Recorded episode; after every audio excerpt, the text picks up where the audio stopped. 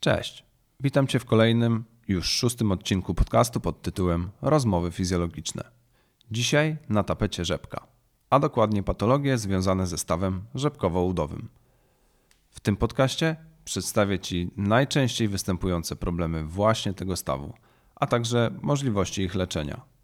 W pierwszej części podcastu przedstawię Ci krótką anatomię i biomechanikę rzepki, a później poruszę tematykę chondromalacji. Dowiesz się, czym tak naprawdę jest słynna chondromalacja, jak powstaje i czy faktycznie jej pojawienie się może być niebezpiecznym sygnałem dla stawu kolanowego. W drugiej części porozmawiamy również o tzw. Tak bocznym przyparciu rzepki. Przybliżę Ci przyczyny, skutki oraz możliwości radzenia sobie z tego rodzaju problemem. Przy okazji bocznego przyparcia poruszę także temat bardzo często występujących krepitacji, czyli trzeszczenia w stawie rzepkowo-udowym i postaram się obalić kilka mitów związanych z tym objawem. Na koniec wspomnę również o syndromie bólu przedniego przedziału stawu kolanowego, a także skuteczności kwasu hialuronowego w leczeniu dolegliwości związanych ze stawem rzepkowo-udowym. Serdecznie zapraszam do słuchania. Na początek krótka anatomia i biomechanika rzepki. Rzepka jest bardzo ciekawą, nietypową kością, ponieważ należy do tak zwanych trzeszczek, czyli, czyli kości, które powstają wskutek kostnienia ścięgien.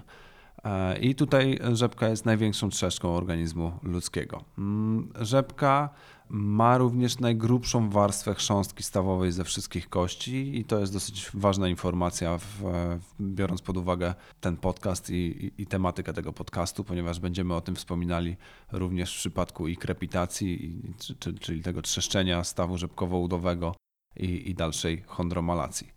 Pamiętajmy, że podczas ruchu zgięcia i wyprostu stawu kolanowego rzepka też nie pracuje idealnie w jednym prostym torze, wykonuje taki esowaty ruch bardziej, czyli e, w zgięciu stawu kolanowego e, przemieszcza się bardziej dobocznie, w wyproście stawu kolanowego oprócz tego, że przemieszcza się dolnie, również przemieszcza się troszkę przyśrodkowo.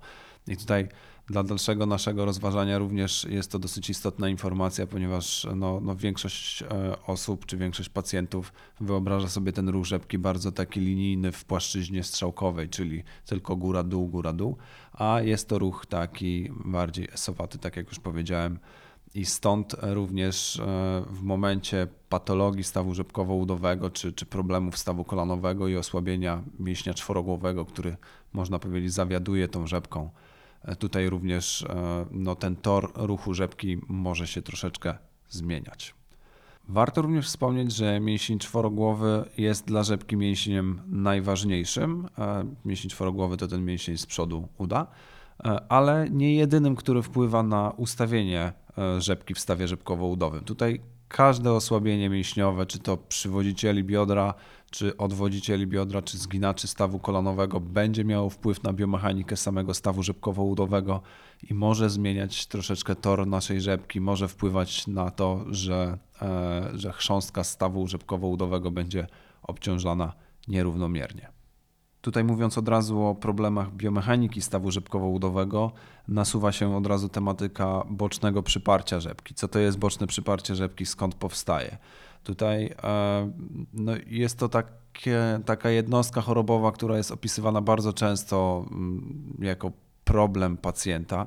Zazwyczaj jest związany z koślawością taką albo strukturalną, czyli koślawością kostną, można powiedzieć tak, stawu kolanowego, takie kolana w X, można to tak nazwać albo z koślawością funkcjonalną, czyli z, z momentem, w którym patrzymy na pacjenta, oceniamy sobie jego oś kończyny dolnej i widzimy, że ta oś kończyny dolnej jest prosta w, w takim stanie neutralnym, ale jeśli tylko ten pacjent zaczyna zginać staw kolanowy, na przykład pod obciążeniem własnego ciała, no to widzimy, że ten staw kolanowy ucieka nam troszeczkę do przyśrodkowej strony, czyli właśnie ustawia nam się w koślawości funkcjonalnej no i tutaj pamiętajmy, że mięsień czworogłowy przebiegający nad rzepką, e, który napina się właśnie w takim obciążeniu osiowym i w zgięciu stawu kolanowego, będzie działał troszeczkę jak cięciwa łuku, czyli w momencie, kiedy nie przebiega ten mięsień czworogłowy idealnie w płaszczyźnie strzałkowej i ta koślawość następuje, no to ten mięsień czworogłowy będzie pociągał rzepkę do strony bocznej i tworzył nam tak zwane boczne przyparcie właśnie rzepki, czyli czyli moment, w którym rzepka dociskana jest może tak boczną stroną do, kłykcia bocznego kości udowej. Zmniejsza się no, ta kompresja stawu rzepkowo-udowego po stronie przyśrodkowej, a zwiększa się kompresja po stronie bocznej.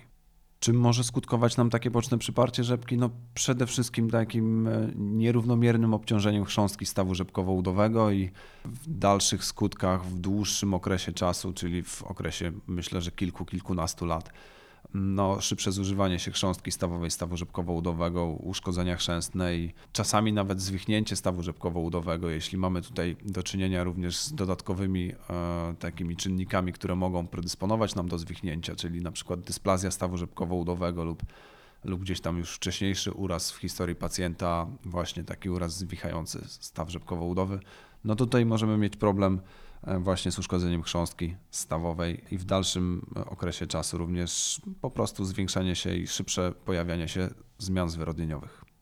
Co można zrobić z takim bocznym przyparciem rzepki? No tutaj przede wszystkim trzeba znaleźć przyczynę. Czy jest to faktycznie e, taka koślawość strukturalna, czyli koślawość bardziej anatomiczna pacjenta, E, no i w takich przypadkach jest to dużo trudniejsze leczenie, ponieważ tu rehabilitacja no, ma swoje pole do manewru, ale jest ono dosyć mocno ograniczone, no bo wiemy, że tutaj trzeba naprawić strukturę, zanim naprawi się funkcję. E, I tu zazwyczaj, jeśli są duże zmiany zwyrodnieniowe właśnie z powodu takiej koślawości, czy, czy z powodu takiego nasilonego bocznego przyparcia rzepki, no to, to zazwyczaj e, lekarze decydują się na przykład na osteotomię, czy to osteotomię Fulkersona, czyli przesunięcie guzowatości kości piszczelowej, czy osteotomię kości udowej, która jest w stanie skorygować nam tą strukturalną koślawość. Tutaj no, to leczenie operacyjne oczywiście dostosowuje się do tego, jaką pacjent ma anatomię i jaki jest jego główny problem anatomiczny. A w przypadku koślawości funkcjonalnej jest to dużo, dużo prostsze, ponieważ e, można po prostu włączyć e, taką celowaną, profilową, profilowaną e, rehabilitację, czyli pracę nad kontrolą mięśniową tego stawu kolonowego, nad tym, żeby ten staw kolonowy po prostu nie uciekał do koślawości w momencie zgięcia. No pamiętajmy, że, że przy takiej koślawości funkcjonalnej, nawet przy wchodzeniu zwykłym po schodach czy schodzeniu ze schodów, ten staw kolanowy troszeczkę w cudzysłowie nam ucieka do tej przyśrodkowej strony, powodując nam często dolegliwości bólowe po prostu mm, pacjentowi. E, więc e, no tutaj pracuje się z pacjentem nad kontrolą mięśniową, nad, nad stabilizacją e, samego stawu kolanowego, nad wzmocnieniem rotatorów zewnętrznych i odwodzicieli biodra, bo to jest bardzo, bardzo ważna rzecz. Tutaj pamiętajmy, że staw kolanowy nie jest stawem wolnym, jest stawem zależnym od stawu skokowego i, i stawu biodrowego. Więc nie skupiajmy się tutaj w przypadku takiego bocznego przyparcia rzepki tylko i wyłącznie na stawie kolanowym. Warto tutaj pomyśleć i o core stability, czyli stabilizacji tułowia. Warto pomyśleć o odwodzeniu biodra, o rotacji zewnętrznej biodra, bo tutaj e, są również bardzo duże problemy z, z, z samą stabilizacją tego biodra ale również warto pomyśleć o stopie i zobaczyć, jak ta stopa pracuje, czy ustawia się mocno w koślawości, czy nie. Jeśli ustawia się mocno w koślawości i jest to osoba młoda, no to można jeszcze spróbować funkcjonalnie to skorygować. U osób starszych oczywiście też można włączyć ćwiczenia, które będą wzmacniały nam mięśnie, które będą przeciwstawiać się tej koślawości, ale zazwyczaj tutaj przy dużych koślawościach stopy u osób starszych trzeba po prostu w takim przypadku bocznego przyparcia rzepki włączyć jeszcze na przykład ortotykę, czyli e, w, po prostu wkładkę, która będzie korygować tą koślawość do pozycji neutralnej. Jeśli jesteśmy już przy problemach i, e, i zaburzeniach chrząstki stawowej stawu rzepkowo-udowego, no to warto przypomnieć i wspomnieć również o takiej bardzo, bardzo popularnej jednostce chorobowej, chyba najpopularniejszej jednostce opisywanej w rezonansach magnetycznych stawu kolanowego, czyli o chondromalacji. Chondromalacji rzepki czy chondromalacji stawu rzepkowo-udowego, e, różnie jest to opisywane. Co to jest ta chondromalacja? No, jest to można powiedzieć, rozmiękczanie chrząstki stawowej. To, ta chondromalacja może mieć bardzo wiele przyczyn. E, przyczyną chondromalacji może być na przykład boczne przyparcie rzepki, to już wspomniane wcześniej, ponieważ jeśli mamy e, nieprawidłowe czy, czy zbyt duże obciążanie chrząstki stawowej po bocznej stronie, będzie ona po prostu się zużywać dużo szybciej niż chrząstka po stronie przyśrodkowej i może być opisywane jako, jako takie rozmiękczenie, czy pierwsze takie zmiany strukturalne chrząstki stawu rzepkowo-udowego. zazwyczaj opisywane gdzieś tam w stopniu pierwszym lub drugim. I taka, taka chondromalacja, czy, czy takie zużycie się chrząstki stawowej w niewielkim stopniu, właśnie takim stopniu pierwszym czy drugim, zazwyczaj nie daje dolegliwości bólowych pacjentowi. Mm, taka chondromalacja może być również e, skutkiem, można powiedzieć, mm, wad genetycznych czy problemów takich genetycznych pacjenta, gdzie chrząstka stawowa jest po prostu słabsza, bardziej miękka i zaczyna e, się szybciej zużywać niż, w, e, niż u przeciętnego pacjenta, może tak. No i tutaj robi się już duży problem, ponieważ no, no przy takich zmianach czy takich problemach pacjentów no, no, leczenie jest dosyć trudne. No, tutaj leczenie może być taka adaptacja tej chrząstki stawowej, czyli próba wymuszenia czy wzmocnienia tej chrząstki stawowej poprzez progresywne ćwiczenia, progresywny trening czy progresywne obciążanie tej chrząstki stawowej. Wiem, że to jest dosyć zawiłe, że chrząstka stawowa, która w momencie obciążania się zużywa, można ją wzmocnić właśnie poprzez obciążanie prawidłowe, ale tak jest. Tutaj dobrym przykładem jest adaptacja do czegokolwiek, do jakiegokolwiek sportu w przypadku czy sportowców rekreacyjnych czy zawodowych. Taka aktywność fizyczna, która jest uprawiana dosyć regularnie i w prawidłowy sposób wprowadzana jest, wprowadzana jest progresja tej aktywności fizycznej, daje nam wzmocnienie struktur, które muszą pracować w czasie tej aktywności. I to jest, to jest bardzo, bardzo ważna rzecz, że zazwyczaj myślimy o tym, że jeśli mamy zmiany zwyrodnieniowe, takie pierwsze, wstępne, no to trzeba by oszczędzać staw. Ale może właśnie trzeba by pomyśleć w drugą stronę, że takie oszczędzanie stawu i niedostosowanie tej chrząstki stawowej i warstwy podchrzęsnej i wszystkich innych struktur do aktywności, którą właśnie uprawiamy. Na przykład zaczęliśmy biegać dosyć szalenie i intensywnie w wieku 40-45 lat. Może to jest przyczyna właśnie takiego powstania pierwszych zmian, czy tej chondromalacji pierwszego, drugiego stopnia w, w stawie nie tylko rzepkowo-udowym, ale w każdym innym stawie. I tutaj warto może po prostu wprowadzić prawidłowy trening z prawidłową progresją, powoli, stopniowo e, spróbować zaadaptować tą chrząstkę stawową, warstwę podchrzęsną i cały staw do aktywności, którą chcemy uprawiać. Nawet jeśli to jest, nie wiem, wchodzenie czy schodzenie ze schodów, e, czy wchodzenie po schodach, czy schodzenie ze schodów, no tutaj jest ta sama sytuacja. Jeśli nie robimy tego na co dzień, jeździmy non-stop windą, nie poruszamy się za wiele, robimy, nie wiem, 2000 kroków dziennie, nie używamy schodów, no to kiedy ten staw ma się dostosować i zaadaptować do, do trudniejszej roli czy do trudniejszych ćwiczeń, które musi później wykonywać na przykład w życiu codziennym. Oczywiście warto również pamiętać, że taka chondromalacja pierwszego czy drugiego stopnia jest zazwyczaj takim sygnałem ostrzegawczym, że coś w biomechanice czy w anatomii pacjenta nie działa tak, jak powinno, i warto tutaj oczywiście poszukać przyczyny tych, e, tych problemów czy pojawiania się właśnie takiej chondromalacji. Pamiętajmy jednak, że chrząstka stawowa jest e, strukturą taką samą jak każda inna w organizmie ludzkim, która po prostu ulega e, procesom degeneracji wraz z wiekiem pacjenta. Tutaj pamiętajmy, że chrząstka stawowa traci wodę, starzeje się również tak samo jak, nie wiem, skóra czy każdy inny organ w organizmie ludzkim. No i takie ogniska chondromalacji pierwszego, drugiego stopnia u pacjenta 35, 45, 50 lat nie są niczym absolutnie nadzwyczajnym. Tak? Tutaj brałbym jednak pod uwagę to, że mogą to być zmiany naturalne, zmiany chrząstki stawowej, która nie jest e, przeznaczona na, nie wiem, 90 czy 100 lat życia pacjenta. Oczywiście ta chrząstka stawowa ma swoją wytrzymałość, ale ta wytrzymałość nie jest na tyle duża, żeby E, żeby dawać sobie radę dokładnie w taki sam sposób i nie niszczyć się i nie degenerować przez 40 czy 50 lat używania tej chrząstki stawowej. Także pamiętajmy, że takie ogniska chondromalacji u pacjentów trochę starszych czy, czy dorosłych e, mogą być rzeczą naturalną. Przy chondromalacji warto również wspomnieć od razu o tak zwanych krepitacjach, czyli tym, e, co dla pacjentów jest najbardziej takie przerażające i martwiące i z czym zjawiają się u fizjoterapeutów e, bardzo często. Krepitacje stawu rzepkowo-udowego to nic innego jak to trzeszczenie, e, trzeszczenie rzepki czy trzeszczenie stawu rzepkowo-udowego podczas ruchu zgięcia wyprostu, nie tylko pod obciążeniem, ale również bez obciążenia, czasami się pojawia. No i skąd się biorą te krepitacje? No, tego do końca nie wie nikt. To jest bardzo ciekawa, ciekawa rzecz, ponieważ to jest jedna z, jeden z takich objawów, który nie jest do końca zbadany w stawie rzepkowo-udowym czy w stawie kolanowym.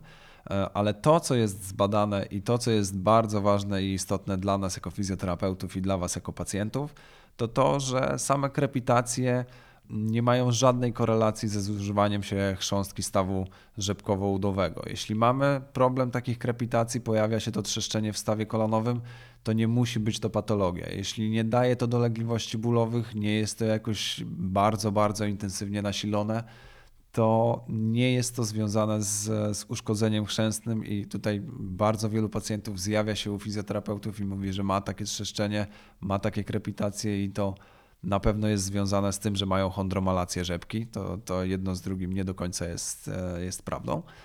E, I że jest to ich problem i że oni się boją, że chrząstka stawowa zużyje im się dużo szybciej i przecież jeśli ma takie trzeszczenie, to na pewno kość o kość już trze i ta chrząstka po prostu jest uszkodzona i trzeba by coś z tym zrobić.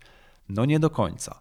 Takie krepitacje, takie trzeszczenie w stawie rzepkowo-udowym jest, e, jest rzeczą całkowicie naturalną. E, pojawia się u niektórych szybciej, u niektórych później, ale zazwyczaj się pojawia, niestety. No, ja osobiście w wieku dwudziestu kilku lat już miałem krepitację w lewym stawie rzepkowo-udowym, a w prawym nie. I powiem szczerze, że też e, mocno bałem się tego, że gdzieś tam coś, jakaś patologia się zaczyna pojawiać w tym stawie rzepkowo-udowym. Zacząłem trochę drążyć ten temat i żadne badania nie potwierdzają tego, że powstanie krepitacji i pojawienie się krepitacji u pacjenta jest związane z e, pojawieniem się zmian zwyrodnieniowych stawu rzepkowo-udowego czy stawu kolonowego. Także to jest bardzo ważna rzecz. Nie bójcie się i nie przejmujcie się tymi krepitacjami tak bardzo. Jeśli one się pojawiają, to e, w dużej mierze i bardzo często w wielu przypadkach po prostu z czasem e, znikają tak samo jak się pojawiły i nie ma z nimi większego problemu. Pamiętajcie, tutaj dolegliwości bólowe są takim objawem, który trzeba rozpatrzyć, jeśli, jeśli faktycznie te dolegliwości bólowe w momencie zgięcia wyprostu się pojawiają przy okazji tych dolegliwości bólowych pojawiają się krepitacje, no to tutaj warto spojrzeć, czy faktycznie na przykład te ognisko chondromalacji e, gdzieś tam trzeciego czy czwartego stopnia, czy, czy ta chondromalacja nie jest na tyle nasilona, że ta chrząstka stawowa faktycznie jest mocno zużyta i warstwa podchrzęstna może daje dolegliwości bólowe. E, w takim przypadku no tutaj warto przede wszystkim rezonans magnetyczny, bo to jest badanie, które, które jest w stanie nam pokazać e, to, to ognisko chondromalacji czy, czy ognisko uszkodzenia chrząstki stawowej, bo to nie tylko chondromalacja, ale również może być pęknięcie po prostu e, pełnej grubości chrząstki stawowej i stąd dolegliwości bólowe.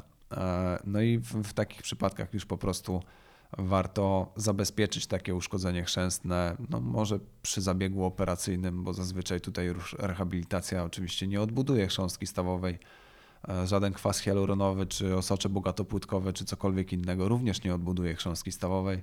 Taką chrząstkę da się odbudować, e, częściowo da się odbudować operacyjnie, tutaj czy membrana chrzęstna, czy, czy inne możliwości typu przeszczep chondrocytów, e, o których myślę, że to już temat na następny podcast, o których można mówić bardzo długo no, tych, tych możliwości odbudowy chrząstki stawowej jest coraz więcej na rynku i w takich przypadkach ogniska chondromalacji gdzieś tam trzeciego, czwartego stopnia, które już daje dolegliwości bólowe, no to warto to zabezpieczać w, w sposób już taki bardziej operacyjny.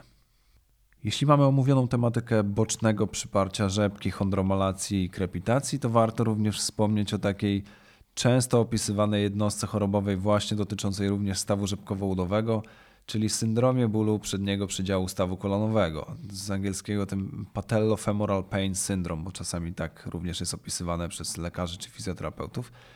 Ja powiem szczerze, że bardzo nie lubię tego nazewnictwa typu zespół bólowy czy, czy syndrom czegoś, bo dla mnie oznacza to tylko tyle, że osoba, która stawiała diagnozę czy, czy robiła diagnostykę, nie do końca była w stanie określić przyczyny dolegliwości i trzeba tą przyczynę dolegliwości, przynajmniej tą główną, postarać się poszukać i, i e, jeśli nie uda nam się jednej przyczyny znaleźć i, i, mamy tych przyczyn wiele, to skupić się na tych najważniejszych.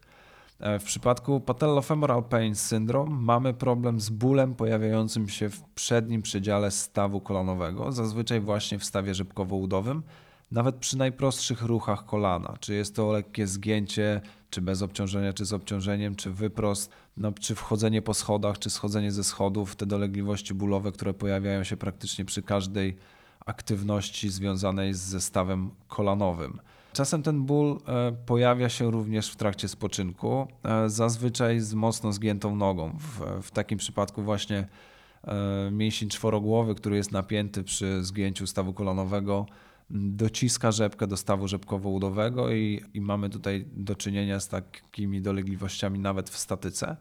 Czasami nazywa się to również kolanem kinomana, czyli taką e, no, nazewnictwo pochodzi stąd, że w przypadku na przykład długiego siedzenia, czy to w kinie, czy gdziekolwiek indziej, ze zgiętym e, kolanem ten ból po prostu narasta. Czy może to być nawet w biurze, gdzieś tam w pracy, jeśli pacjent siedzi e, godzinę czy dwie godziny ze zgiętym stawem kolanowym i odczuwa coraz większe dolegliwości bólowe z okolicy stawu rzepkowo-udowego, no to właśnie może mieć problem właśnie z tym patellofemoral pain syndrome, czy tym kolanem Kinomana, również tak jest to nazywane. Tutaj pamiętajmy, że problemy z e, tym patellofemoral pain syndrome są zazwyczaj problemami mocno złożonymi i e, tutaj jedna uchwytna przyczyna jest dosyć trudna do zlokalizowania. Często e, te dolegliwości czy te pierwsze objawy pojawiają się po takim dużym przeciążeniu stawu kolanowego. Pacjent niedostosowany do aktywności, którą uprawia, na przykład, nie wiem, idzie w góry e, pierwszy raz po bardzo długim czasie, nie trenując, nie, nie używając stawu kolanowego w dużej mierze, nie wiem, używając codziennie windy, nie jeżdżąc samochodem, e, funkcjonując bez jakichś większych obciążeń stawu kolanowego, ma taki duży impuls właśnie może weźmy sobie przykład tego pójścia w górę, gdzie musi e, bardzo intensywnie używać zgięcia i wyprostu pod, pod dużym obciążeniem. Jeśli jeszcze weźmie sobie plecak, e, musi wejść nie wiem, na śnieżkę i zejść z tej śnieżki z dużym obciążeniem stawu kolanowego. Pojawiają się duże dolegliwości bólowe właśnie z okolicy stawu rzepkowo-udowego. I te dolegliwości, nawet po dłuższym czasie, jeśli się zmniejszają, to przy każdej następnej aktywności, nawet dużo, dużo mniejszej niż ta pierwotna, dają dolegliwości bólowe pacjentowi. Skąd się biorą takie dolegliwości? No, związane są one najczęściej z pojawieniem się stanu zapalnego właśnie po, takim pierwotnym, po takiej pierwotnej aktywności e, z dużym nasileniem. I nawet po okresie takiego dłuższego odpoczynku e, zaczyna nam się to przekształcać w taki ból przewlekły. No tutaj z mojego doświadczenia również bardzo dużą rolę gra psychika pacjenta i strach przed ruchem po takim dużym bólu, który odczuwał właśnie w, w, po tej aktywności pierwotnej. Jeśli ten stan zapalny pojawił się na przykład po wchodzeniu e, na, na tą śnieżkę, no to e, później już nawet niewielkie aktywności typu wchodzenie po schodach czy schodzenie ze schodów zaczyna być dla pacjenta problemem, ponieważ on boi się wykonywać te ruchy zgięcia stawu kolanowego pod obciążeniem z, z taką kompresją stawu rzepkowo-udowego i ten ból e, plus e, taki przewlekły stan zapalny zaczyna nasilać nam, nam objawy pacjenta i, i dawać ten patellofemoral pain syndrome. Jakie są możliwości pracy z takim pacjentem? No tutaj przede wszystkim bardzo powolna adaptacja tego stawu rzepkowo-udowego i tego stawu kolanowego do aktywności, które pacjent ma wykonywać, nawet tych najprostszych aktywności. Tutaj można zacząć od bardzo prostej pracy, takiej izometrycznej, w lekkim zgięciu stawu kolanowego. Musi to być praca w dyskomforcie, a nawet w lekkim bólu e, u takiego pacjenta, ponieważ musimy go przekonać również psychicznie do tego, że takie aktywności nie wyrządzą temu pacjentowi krzywdy. I e, pamiętajmy, że im częściej bodźcujemy, im częściej e, drażnimy receptory, tym te receptory stają się mniej wrażliwe na, na, na, te, na to bodźcowanie.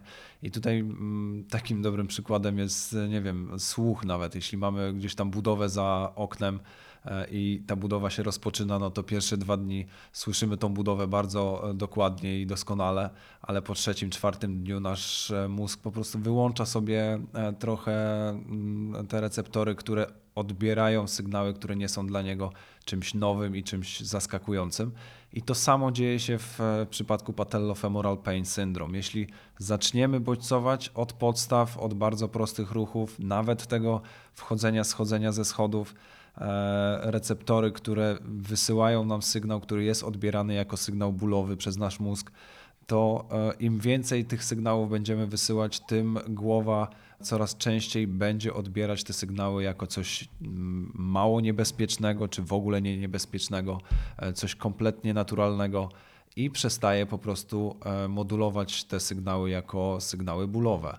Mm, wyłączy po prostu nam dolegliwości bólowe z tego E, stawu rzepkowo-udowego czy stawu kolonowego. Pamiętajmy, że taki patellofemoral pain syndrome, jeśli spojrzy się na strukturę samego stawu kolanowego, to tutaj nie widać zmian bardzo często. Tak? Ci pacjenci robią dziesiątki różnych badań od USG przez rezonanse magnetyczne, przez tomografy komputerowe, szukają przyczyny w strukturze, a nie do końca ta przyczyna jest e, możliwa do zlokalizowania, jeśli chodzi właśnie o e, samą strukturę chrząstki czy inne struktury stawu kolanowego.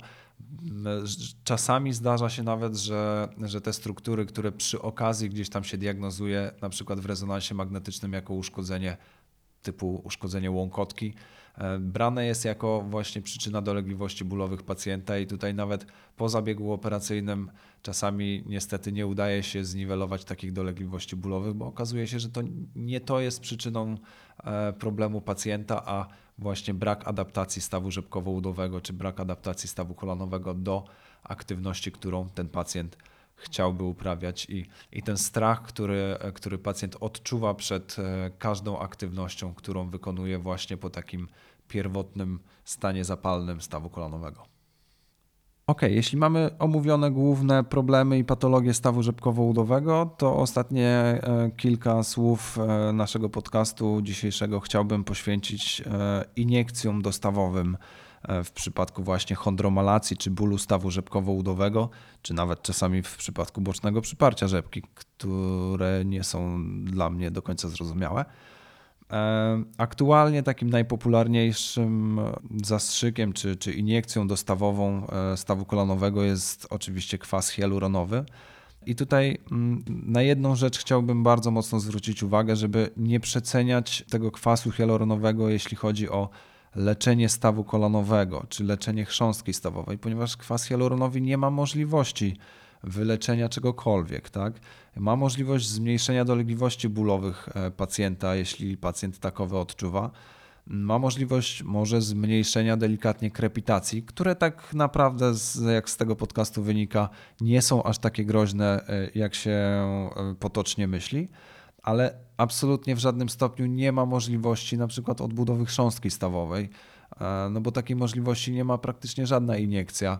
Czasem mówi się o komórkach macierzystych, które gdzieś tam mogą wspomagać regenerację chrząstki stawowej, ale nie są w stanie również e, jak same jako, jako tylko i wyłącznie komórki macierzyste nie są w stanie odbudować, nie wiem, ubytku chrzęstnego. Absolutnie nie ma to, e, nie ma to miejsca i tym bardziej nie ma to miejsca w przypadku kwasu hialuronowego. Także jeśli ktoś przedstawia teorię e, odbudowy chrząstki stawowej za pomocą iniekcji czy zastrzyków z kwasu hialuronowego, no to oczywiście no nie jest to prawda i trzeba o tym mówić głośno. Kwas hialuronowy jest substancją, która w momencie, kiedy ją wstrzykniemy do stawu kolanowego, można powiedzieć, że opłukuje receptory, może tak to nazwijmy, tworzy taką otoczkę mm, chrząstki stawowej, to takie WD-40 dla stawu, może tak to nazwijmy.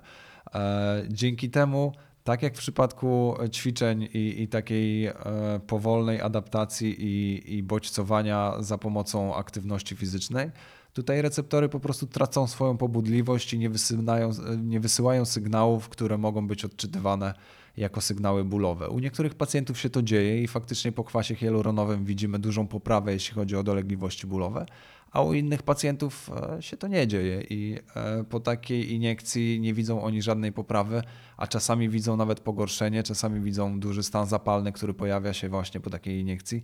Ja nie jestem, żebyśmy tutaj się dobrze zrozumieli, ja nie jestem przeciwnikiem absolutnie stosowania kwasu hialuronowego, ale dla mnie stosowanie takiej substancji ma sens tylko i wyłącznie, jeśli jest to poparte dodatkowo prawidłowo prowadzoną rehabilitacją, która jest podstawą leczenia w takich przypadkach jak e, na przykład patellofemoral pain syndrome, a nie jako rzeczą, która jest e, jedyną formą leczenia takiego pacjenta. Czyli jeśli pacjent przychodzi z takimi dolegliwościami bólowymi, pierwsze co E, co lekarz robi, to zleca mu kwas hialuronowy i robi mu trzy zastrzyki i nie wspomaga tego leczenia żadną inną procedurą typu właśnie wysłanie pacjenta na rehabilitację e, celowaną, e, która będzie mu również wspomagać tą część funkcjonalną, no to nie ma to większego sensu. Oczywiście, jeśli jest to pacjent praktycznie bezbólowy, który ma problem tylko i wyłącznie z krepitacjami, czyli z tym trzeszczeniem stawu kolanowego i to trzeszczenie mu mocno przeszkadza, no to jestem w stanie to gdzieś zrozumieć, że ten kwas hialuronowy jest główną E, metodą leczenia, chociaż nadal twierdzę i, i, myślę, że e, powinien ten pacjent również trafić do fizjoterapeuty, który oceni jego problemy funkcjonalne, zobaczy z czym ten pacjent e, sobie nie radzi, czy co jest jego problemem w życiu codziennym i spróbuje z tym popracować. Podsumowując, na początek boczne przyparcie rzepki. Pamiętajmy najważniejsza rzecz. Możemy mieć tutaj problem strukturalny, możemy mieć tu problem funkcjonalny. Przede wszystkim pełna diagnostyka i prawidłowe znalezienie przyczyny tego bocznego przyparcia rzepki i dopiero dostosowanie leczenia do tego, co znajdziemy e, w diagnostyce. Chondromalacja, rozmiękczanie chrząstki stawowej może mieć tutaj różnie, również wiele przyczyn. Jeśli jest to chondromalacja pierwszego, drugiego stopnia w e, starszym, podeszłym wieku, to absolutnie jest to rzecz naturalna. Tutaj chrząstka również może się zużywać e, i nie jest to coś, co można uznać za patologię. Jeśli e, w takim przypadku chondromalacji mamy również dolegliwości bólowe, to warto poszukać przyczyny i tutaj również e, celowanie podziałać na to, aby te dolegliwości bólowe A zniknęły i B, e, żeby zniknęła przyczyna powstania tej chondromalacji. Krepitacje absolutnie, jeśli nie dają dolegliwości bólowe, bólowych, nie są związane z innymi patologiami stawu kolanowego, nie są same w sobie patologią i nie warto się nimi przejmować. Bardzo często e, znikają lub zmniejszają swoją intensywność e, te krepitacje po czasie. Mm, więc tutaj naprawdę take it easy, e, nie przejmuj się, jeśli pojawiły się te krepitacje, nie zwracaj za bardzo na nie uwagi, a zobaczysz, że, że z czasem przestanie to być Twoim problemem. Patellofemoral pain syndrome, czyli syndrom bólu przedniego przedziału stawu kolonowego, bardzo ważna rzecz. Powolna adaptacja z powrotem do treningu, powolna adaptacja do aktywności, praca nad, również nad psychiką pacjenta, nad tym, żeby pacjent przestał bać się ruszać, żeby wyciągnąć go troszeczkę z tej bardzo często występującej w tym przypadku również kinezjofobii, czyli właśnie strachu przed ruchem. I tutaj takie, taka praca e, i mentalna, i, e, i funkcjonalna nad pacjentem powinna dać nam bardzo dobre wyniki. I na koniec iniekcje dostawowe, kwas hialuronowy, który jest świetną metodą na to, żeby może zmniejszyć krepitację, może troszeczkę odżywić staw kolanowy, ale absolutnie nie jest metodą na to, żeby odbudować nam chrząstkę stawową, czy jedyną metodą na to, żeby pozbyć się e, problemu czy patologii stawu kolanowego czy stawu rzepkowo-udowego. Tutaj pamiętajmy, że fizjoterapia jest jedną z najskuteczniejszych metod na zmniejszanie dolegliwości bólowych pacjenta właśnie w przypadku czy to patellofemoral pain syndrome, czy gdzieś tam krepitacji. Mm, ok, myślę, że to wszystko. Dziękuję bardzo, że e, zostaliście ze mną do samego końca. Mam nadzieję, że podcast Wam się podobał. Jeśli Wam się podobał, to zajrzyjcie również na www.fizjologika.pl. Tam znajdziecie bardzo dużo informacji na temat stawu kolanowego, na temat kręgosłupa i na temat e, wszystkich innych problemów ortopedycznych, jeśli chodzi o fizjoterapię. E, jeśli jesteście studentami, a interesuje Was tematyka stawu kolanowego czy tematyka kręgosłupa, to zapraszam również na moje szkolenia. E, tam w zakładce na, e, na mojej stronie na fizjologice znajdziecie również informacje dotyczące właśnie szkoleń. Także serdecznie zapraszam i dzięki za wysłuchanie. Do zobaczenia, do usłyszenia tak naprawdę w następnym podcaście.